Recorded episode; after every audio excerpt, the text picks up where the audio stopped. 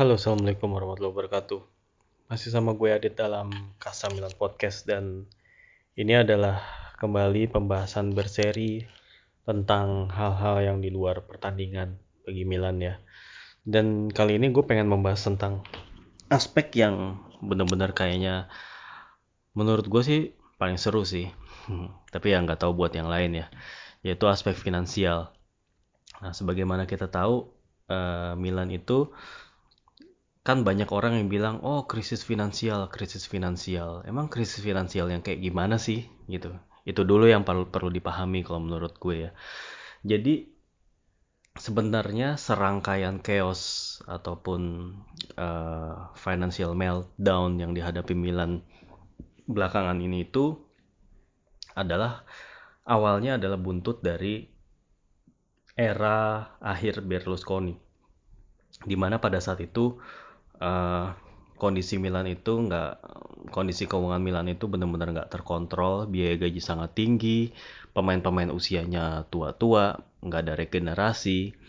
Lalu kemudian uh, apa namanya setelah terjadinya kemunduran dalam uh, kemampuan Berlusconi dalam menyokong Milan terus seiring dengan financial fair play yang berlaku juga akhirnya Milan itu kehilangan uh, apa ya kehilangan cara lah bisa dibilang kehilangan cara. Ya biasanya kan sebelum era financial fair play itu ya tergantung dari injeksi pemilik aja gitu untuk ngebeli pemain-pemain yang bagus. Nah kalau financial fair play kan beda nih aturannya. Jadi klub bola itu benar-benar harus yang mandiri harus beroperasi layaknya perusahaan.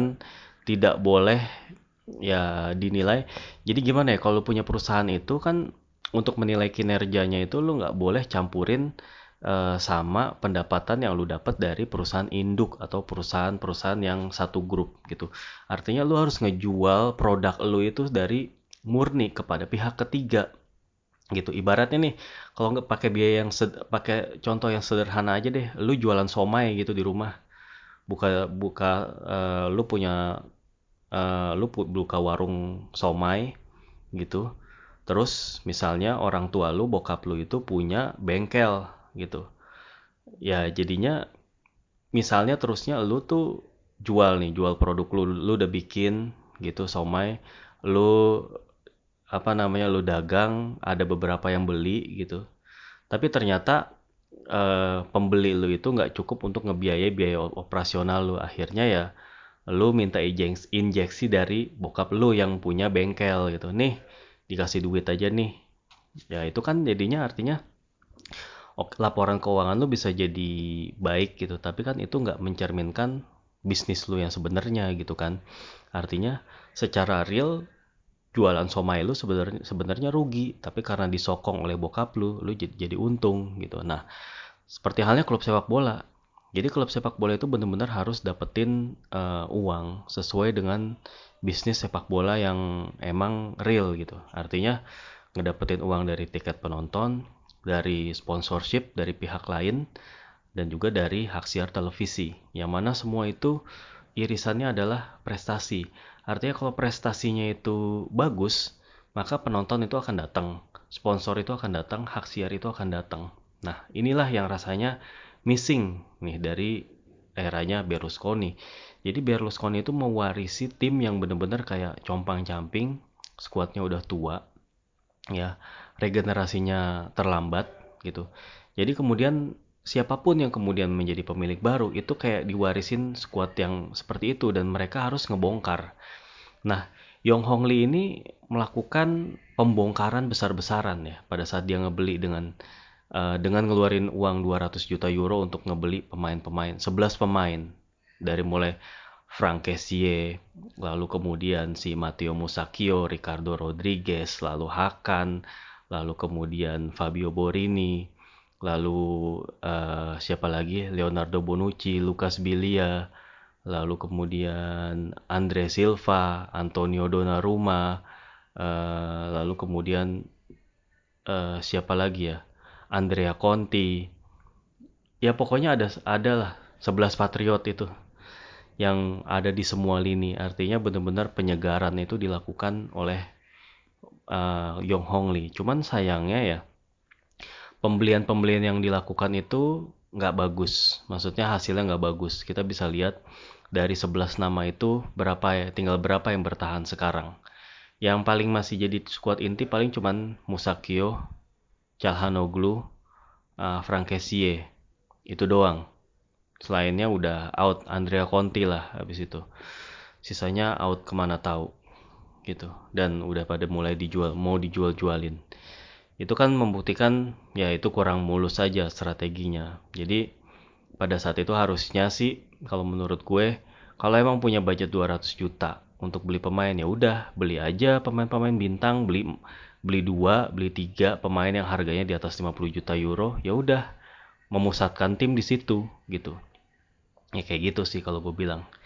Tapi ya udah itu udah lewat dan kemudian Yong Hong Lee itu default ya apa pun yang dikatakan oleh David Hanley waktu itu Hanley itu kan tangan kanannya Yong Hong Lee ya. David Hanley waktu itu ngegelar apa wawancara dengan uh, salah satu media Italia yang intinya pembelaan dia lah bahwa keadaan itu sebenarnya nggak sesuai dengan apa yang diberitakan gitu. Ya tapi anyway itu nggak ada gunanya juga. Udah lewat. Sekarang Milan dimiliki oleh uh, Elliot ya sebuah funding uh, sebuah capital atau ya badan apa venture capital dari New York Amerika Serikat. Dan sekarang Elliot memasuki tahun keduanya dalam menjalankan bisnis Milan gitu. Dan kalau ngelihat dari laporan keuangannya Milan ya, uh, Elliot itu mengukir kerugian yang paling besar sepanjang sejarah justru. Ada Milan itu kemarin di periode 2018-2019 itu mengalami rugi senilai ya nggak nggak kurang dari 155 juta euro. Itu Milan rugi segitu. Nah, ini adalah kondisi yang sekilas uh, mengkhawatirkan, jelas mengkhawatirkan karena awalnya itu diberitain Milan itu uh, ruginya 135 juta. Tapi ternyata pas dirilis jadi 150 juta euro. 155. Jadi itu kondisinya 20 juta euro lebih besar daripada tahun 2017-2018. Nah, uh, tapi ada statement, ada penjelasannya kenapa Milan bisa rugi lebih banyak itu. Itu adalah didominasi oleh uh, adanya penguatan dari sisi squad, ya, ya terutama pembelian dari Lukas Paketa dan Christoph Piontek, ya pemain muda yang value-nya tentu gede gitu dan juga adanya investment yang dilakukan oleh Elliot dalam rangka revitalisasi Milanello dan juga Vismara, komplek Vismara yang jadi markas latihan tim junior gitu. Lalu kemudian ada juga pengeluaran tentang tentunya uh, sepak bola wanita dan juga tim pembentukan sepak bola wanita dan juga uh, aspek-aspek pengeluaran komersial uh, marketing marketing ya berupa Milan kemarin tuh udah ngeluncurin apps ya beberapa bulan lalu sih gitu. Ini gua rasa budgetingnya juga udah dilakuin dari tahun-tahun sebelumnya gitu.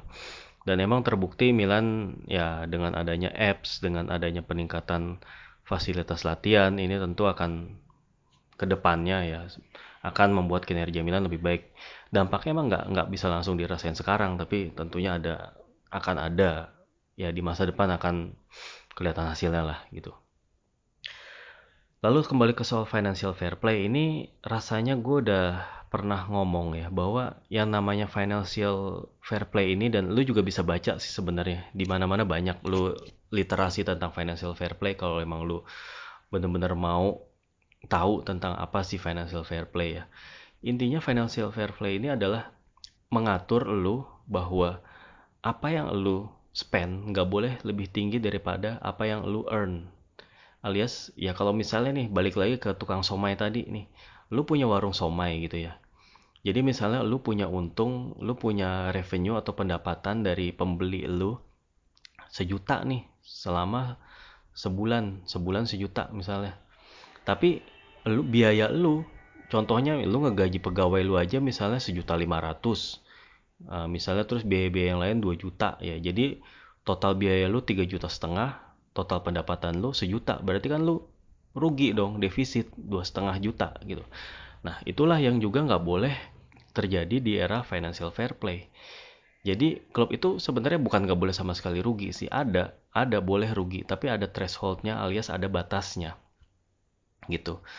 Ada ambang batasnya, boleh rugi itu maksimal berapa, ya. Dan makin ke sini, makin artinya makin seiring waktu berjalan itu rugi itu harus makin kecil, yang membuktikan bahwa klub itu emang beroperasi dengan uh, dengan sustain bahwa klub ini punya market, klub ini punya sponsor, klub ini punya penonton. Nah, kayak gitu sebenarnya. Dan klub ini nggak mengeluarkan biaya gaji secara serampangan. Ya. Dan ya, uh, kenapa bisa timbul sanksi? Karena yaitu simple, karena uh, klub itu nggak memenuhi regulasi tentang batas kerugian. Artinya uh, angka kerugian yang di, uh, diraih oleh Milan itu melebihi dari batas yang ditetapkan oleh UEFA untuk bisa mengikuti kompetisi mereka gitu. Artinya sekarang nih Milan tuh lagi dipantau banget keuangannya. Artinya kemarin ya jangan jangan terkecoh atau jangan ketukar sama kemarin Milan itu nggak ikut Liga Eropa supaya bebas dari sanksi. Bukan berarti sekarang Milan bebas dari sanksi bukan. Artinya begini kemarin ya keputusannya Gazidis untuk kayak nggak ikut uh, Europa League itu uh, adalah keputusan yang emang diambil oleh klub karena Gazidis itu udah merasa dengan mereka Milan gak lolos ke Liga Champions, Milan itu nggak akan bisa meraih target ataupun meraih jumlah kerugian yang disyaratkan oleh UEFA. Uh, maksudnya ngerti nggak konteksnya? Itu kan uh, kalau misalnya Milan tuh gagal lolos ke Liga Champions, itu pendapatannya kan akan berkurang. Karena Liga Champions itu banyak banget duit di situ. Banyak fee banyak uh, match day revenue banyak uh, hak siar TV yang bisa dapat dari situ.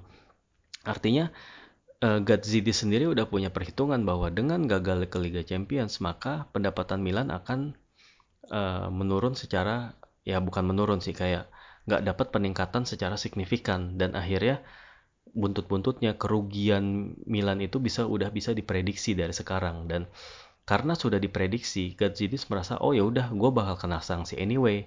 Ya udah karena uh, apa namanya daripada gue kena sanksinya tahun depan mendingan sanksinya tuh gue ambil sekarang deh gitu. Gue majuin sekarang gitu. Tapi bukan berarti musim depan itu ada adalah jaminan bebas dari sanksi. Karena Milan tuh masih dalam uh, radar masih dalam monitor masih dalam monitoring dari si financial fair play.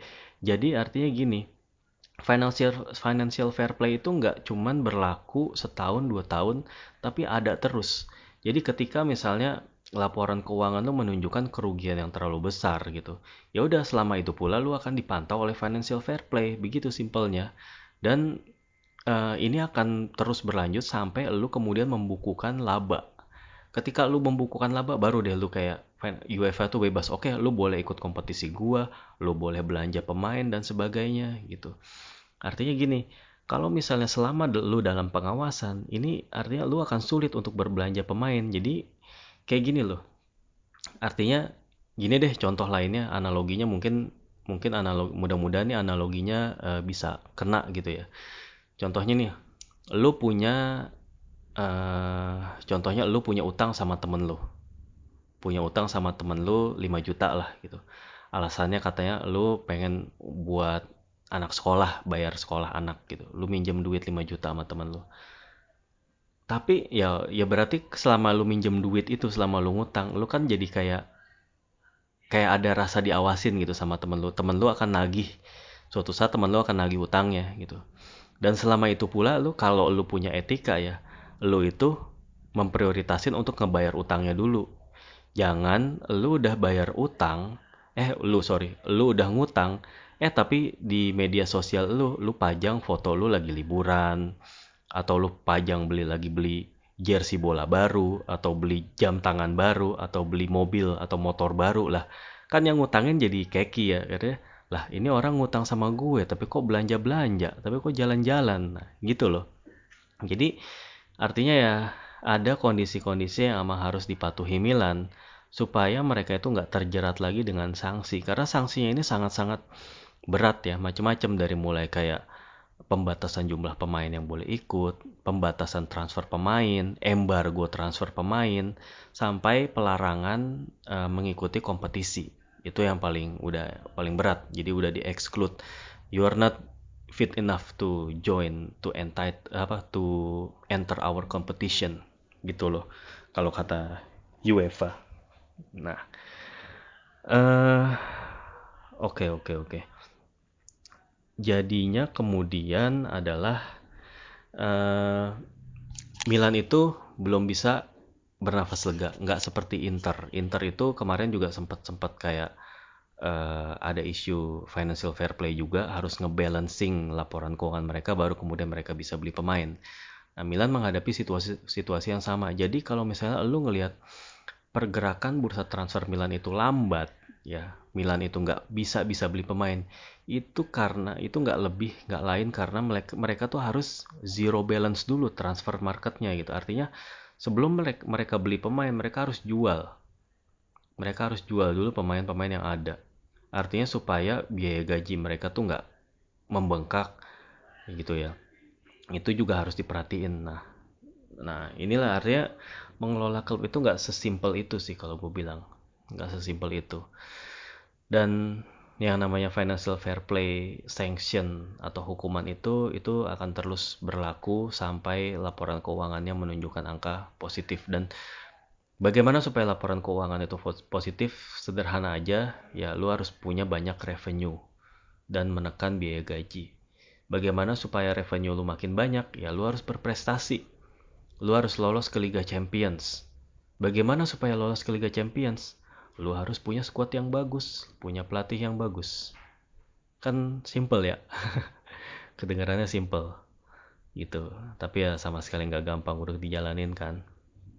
Uh, dan sekarang sih kayak seperti yang gue bilang Gazidis tuh kayak ngubah sedikit strateginya sih bahwa uh, tadinya kan dia paling dia nggak mau tuh ngerekrut pemain-pemain tua ya kayak Ibra juga kayaknya dia sempat kayak nggak mau ngerekrut gitu tapi padahal apa yang terjadi setelah Milan merekrut Ibra adalah adanya kondisi yang lebih positif dalam tim.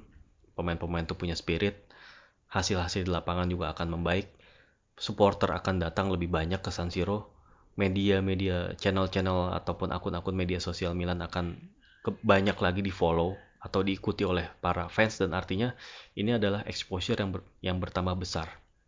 Ini mungkin yang harus di amini harus disetujui oleh Gatsidis. Jadi selain walaupun Ibra itu gajinya gede ya, tapi pendapatannya juga apa yang dihasilkan Ibra, dikontribusikan Ibra dalam finansial klub itu akan jauh lebih besar. Gitu loh menurut gue. Itu yang harusnya Gazidis tuh lebih pahami supaya dia nggak terlalu kaku-kaku banget gitu dalam menjalankan polisinya. Lu kayak nggak bisa lah lu ngerekrut pemain muda dan berharap ada pelatih yang punya magic wand atau tongkat ajaib untuk bisa menjadikan pemain-pemain muda ini bermental juara dan bisa main bagus dan bisa ngebawa Milan ke zona Liga Champions. Men, itu nggak kayaknya agak-agak sulit gitu untuk berharap kayak gitu. Tapi paling nggak dengan adanya Ibra dan juga adanya ya pemain-pemain lain yang akan datang juga kemungkinan akan berkualitas bagus. Ya gue harap ya kondisi ini akan segera apa namanya bayang-bayang financial fair play ini akan segera berakhir gitu. Karena emang financial fair play itu momok banget sih. Kalau zaman dulu udah ada financial fair play itu mustahil Berlusconi bisa ngebentuk the dream team yang isinya Ruud Gullit, Marco van Basten, Frank Rijkaard dan lain-lain karena yang untuk ngebeli mereka itu mahal biayanya gitu loh. Itu nggak mungkin bisa terwujud the dream team itu. Sebenarnya tujuan financial fair play itu supaya tim itu nggak serampangan nggak ngeluarin duit sebanyak banyaknya nggak dijadi nggak dijadiin tempat pencucian uang atau money laundering oleh orang-orang yang nggak bertanggung jawab gitu dan sebagainya. Supaya jadi orang-orang tuh kayak kalau invest ke klub ya mereka harus berharap profit juga bukan untuk bakar duit. Ini bukan startup ini klub bola. Gitu loh intinya. Uh, ya udah sih gua rasa sih itu aja tentang pembahasan financial fair play ya. Kemarin di Deloitte Money Football League gue juga sempat uh, nyinggung. Dan kali ini gue singgung kembali tentang financial fair play dan mudah-mudahan ada sedikit manfaat yang bisa didapat dari postingan gue ini. Dan sekali lagi gue mohon maaf apabila ada kekurangan dan terima kasih banget udah setia ngedengerin Kasamilan Podcast. Dan semoga podcast ini terus bisa memberikan manfaat lah bagi teman-teman sebagai teman sebagai teman seperti ada teman ngobrol kayak ataupun apalah gitu. Dan mudah-mudahan ya siapa tahu aja kita bisa berkolaborasi atau bertemu lah ya di apa secara offline gitu. Ya udahlah ya. Wassalamualaikum warahmatullahi wabarakatuh